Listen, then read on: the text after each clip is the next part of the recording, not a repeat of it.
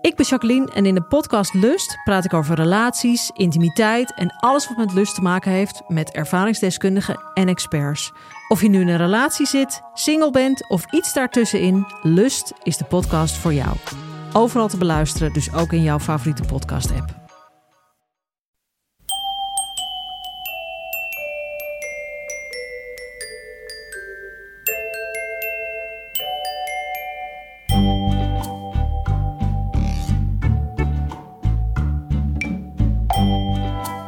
Welkom bij aflevering 242 van Echt Gebeurd, de podcast waarin waargebeurde verhalen worden verteld door de mensen die ze zelf hebben meegemaakt.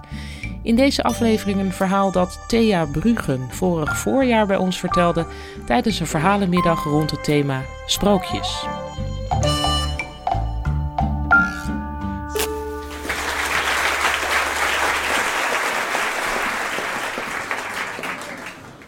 Ik was 23 jaar. Ik studeerde aan de kunstacademie en ehm, ik woonde in een studentenhuis. En ik was in het bezit van een paard. En nou wil ik meteen het beeld wegnemen van zo'n groot, saai, grijs politiepaard, want dat was het helemaal niet. Het was een prachtige, raszuivere, zeer temperamentvolle Connemara uit Ierland. En die had ik ooit voor niks gekregen van een vriendin, een freule van Limburg-Stierum, die uh, naar de bakwand was vertrokken. En die had genoeg van dat paard en die zei: Hier, jij mag het paard hebben. En er was nog iets. Ik uh, was 23 en ik was nog nooit verliefd geweest.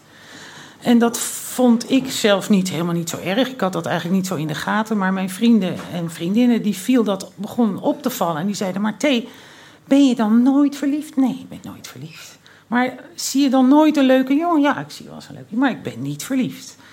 En um, langzamerhand begon ik dat ook wel vervelend te vinden. Want dan zat ik op de kunstacademie dan kregen we kunstgeschiedenis... en dat ging dan over erotiek en kijken in het schilderij en de betekenissen ervan. En ik voelde wel, die hele klas om mij heen heeft al enige ervaring... en ik weet er niks vanaf.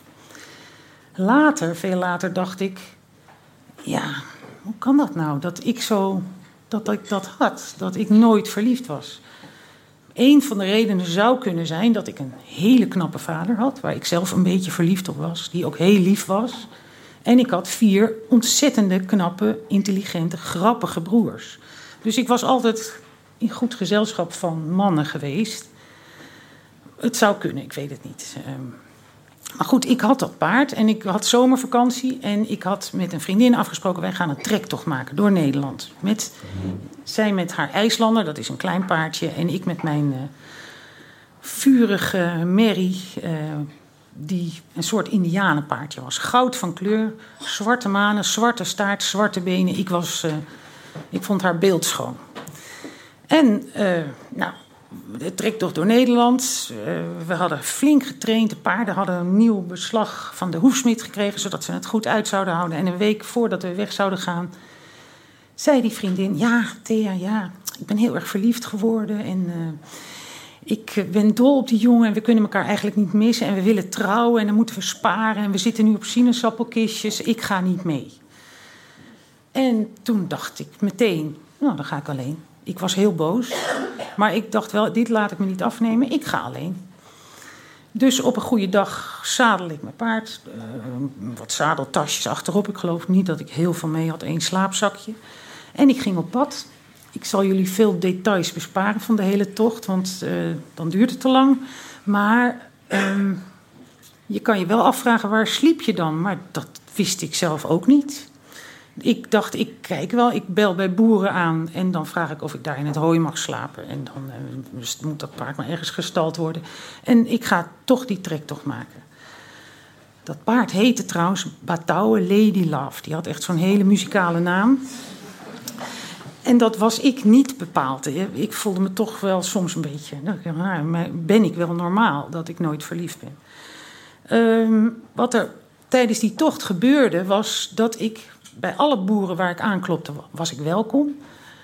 Soms weigerden ze mij in de hooiberg te laten slapen, wat ik dan weer heel erg leuk en romantisch vond, om daar dan gewoon te slapen. Maar zij zei: nee, nee, een beetje op zolder of een stretcher ergens.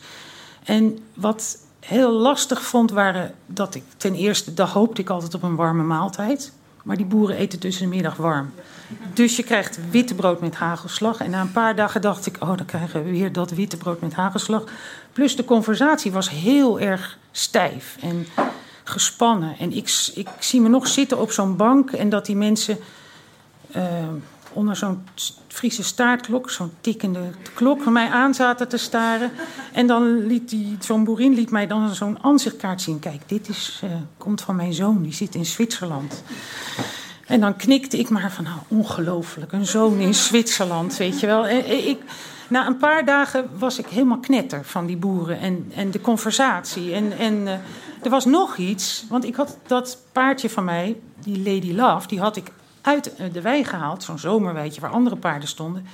En die werd eigenlijk ook helemaal knetter. Want die was super alleen. Dat had ik me niet gerealiseerd. Een paard is een kuddedier.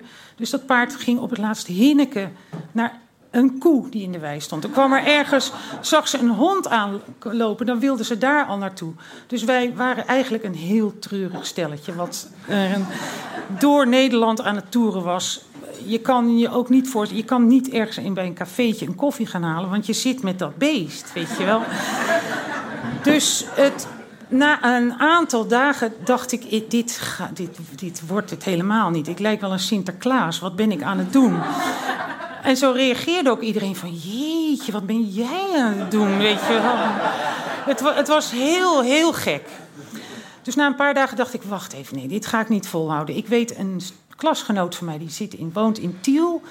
Die ga ik opbellen, misschien hebben die ergens een weiland. Dan kan ik even een normaal gesprek voeren. En ze zei, ja, kom maar, we hebben ergens een weidje... en er staat een ezel, daar kan dat paard van jou wel bij. Dan blijf je lekker een paar dagen bij mij logeren. Nou, toen ik daar aankwam, uh, was ik heel blij om haar te zien. En zij ontving me heel hartelijk. En dat paard van mij, die Lady Love, die ging het weidje in. Dat werd een enorm gevecht met die ezel. Dus dat werd er schielijk werd, werd er weer uit elkaar gehaald. En toen zei ze, nou weet je, er is hier een familie in het dorp... en die fokken paarden, die kan ik wel even bellen... en vragen of jij daar dan dat paard neer kan zetten. Oké, nou, even afwachten. En toen kwam ze even later terug. Ze zei, nee, het is goed. Ze, ze verwachten je. Ze wachten op je. Dus uh, ik loop wel met je mee, dan uh, wijs ik je de weg. En ik was er al... Uh, ik was heel moe, dat weet ik nog. Ik was ontzettend moe. Ik was ook heel vies, dat weet ik ook nog. En ik liep ernaast en ik kwam bij dat... Bij die fokkerij. Het was een heel mooi oud rietgedekt huisje met een tuin en stallen daarnaast. En daar stond een jongen en die leunde tegen de deurpost van de stallen. En die keek naar mij en die zei: Jeetje, wat is dat een mooi paard. en toen uh, gebeurde er iets bij mij. En je, je raadt het misschien al, ik was meteen verliefd. Helemaal verliefd op deze jongen. En um, nou, dat paard van mij ging in een stalletje gezet en die viel meteen in slaap. Die hoorde de andere paarden om zich heen, dus die was helemaal. Uh, en ik dacht, nou, ik moet hier een paar dagen haar rust gunnen voordat ik weer verder ga. En ik sliep bij die vriendin, maar ik ging elke dag even kijken naar Lady Love. En uh, ondertussen ging die hele lieve familie, die hadden allemaal zonen rondlopen. En die gingen, uh, werd er thee voor me gezet in de boomgaard en het was heel mooi weer. Het leek net zo'n. zo'n het boek van Charlotte Bronte of Jane Austen, weet je wel, zo'n beetje zo'n sfeer, helemaal bloemetjes en gezellig. En nou ja, na een paar dagen dacht ik, ik, ik moet toch maar weer verder gaan. Dus uitgezwaaid, nou, succes en uh, zet hem op. En uh, nou, daar ging ik weer. Maar ik ging heel anders weg dan toen ik gekomen was. Want ik had iets meegemaakt waarvan ik dacht, ik ben normaal. Ik kan verliefd worden. Ik, he, ik, ik kan het ook, weet je wel. Ik, ik, uh, ik had natuurlijk niks gezegd, of, maar ik vond het al helemaal geweldig. Half jaar later. Ik had er niets mee gedaan. Ik wist niet hoe die jongens heten. Ik wist niet. Ik, ik, ik, tot ik op een feest was op school, op de kunstacademie. En er was een bandje en er was een jongen die daarop leek. En toen schoot het door me heen. Wat een sukkel ben jij geweest, dat je nooit iets gedaan hebt. Toen heb ik hem een brief geschreven. Maar ik wist zijn naam niet. Ik, dus ik ging naar die vriendin toe, die klasgenoot. Ik zei, zeg die familie in Tiel, uh, hoe heten die zonen?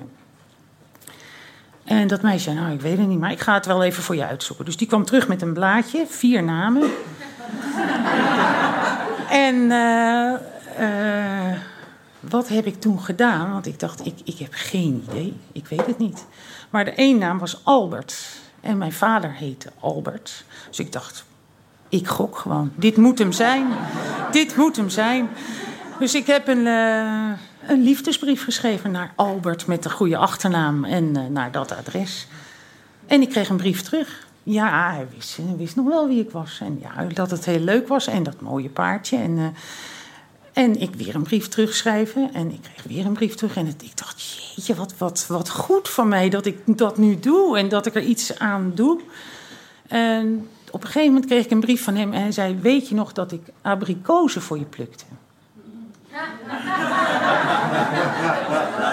En toen dacht ik, oh nee, ik schrijf met de verkeerde. Ik schrijf echt met de verkeerde. En toen heb ik dat teruggeschreven. Ik zei, nee, maar dat was je niet, dat was jouw broer. En toen uh, heb ik nog maar één brief gekregen van hem. En waarin hij zei um, dat ze daar thuis ontzettend hadden gelachen om deze vergissing. Dat, ze, dat die broer die ik bedoelde, dat hij 16 jaar was. Dus heel erg jong. Um, ja, en dat is eigenlijk een beetje, uh, zo is het afgelopen. Ik heb dat uiteindelijk wel gedacht, oké, ik ben normaal, ik kan verliefd worden. Uh, toen heb ik het roer wel omgegooid. Dat is eigenlijk het uh, einde van het verhaal.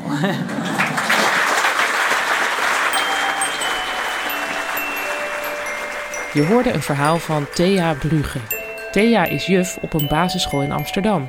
Ze rijdt nog steeds paard en met de liefde, zo mailt ze ons, is het helemaal goed gekomen. Echt Gebeurd is een verhalenmiddag die normaal gesproken elke derde zondag van de maand plaatsvindt in de Amsterdamse comedyclub Toemler. Maar de afgelopen zondag ging die middag niet door als gevolg van de coronamaatregelen.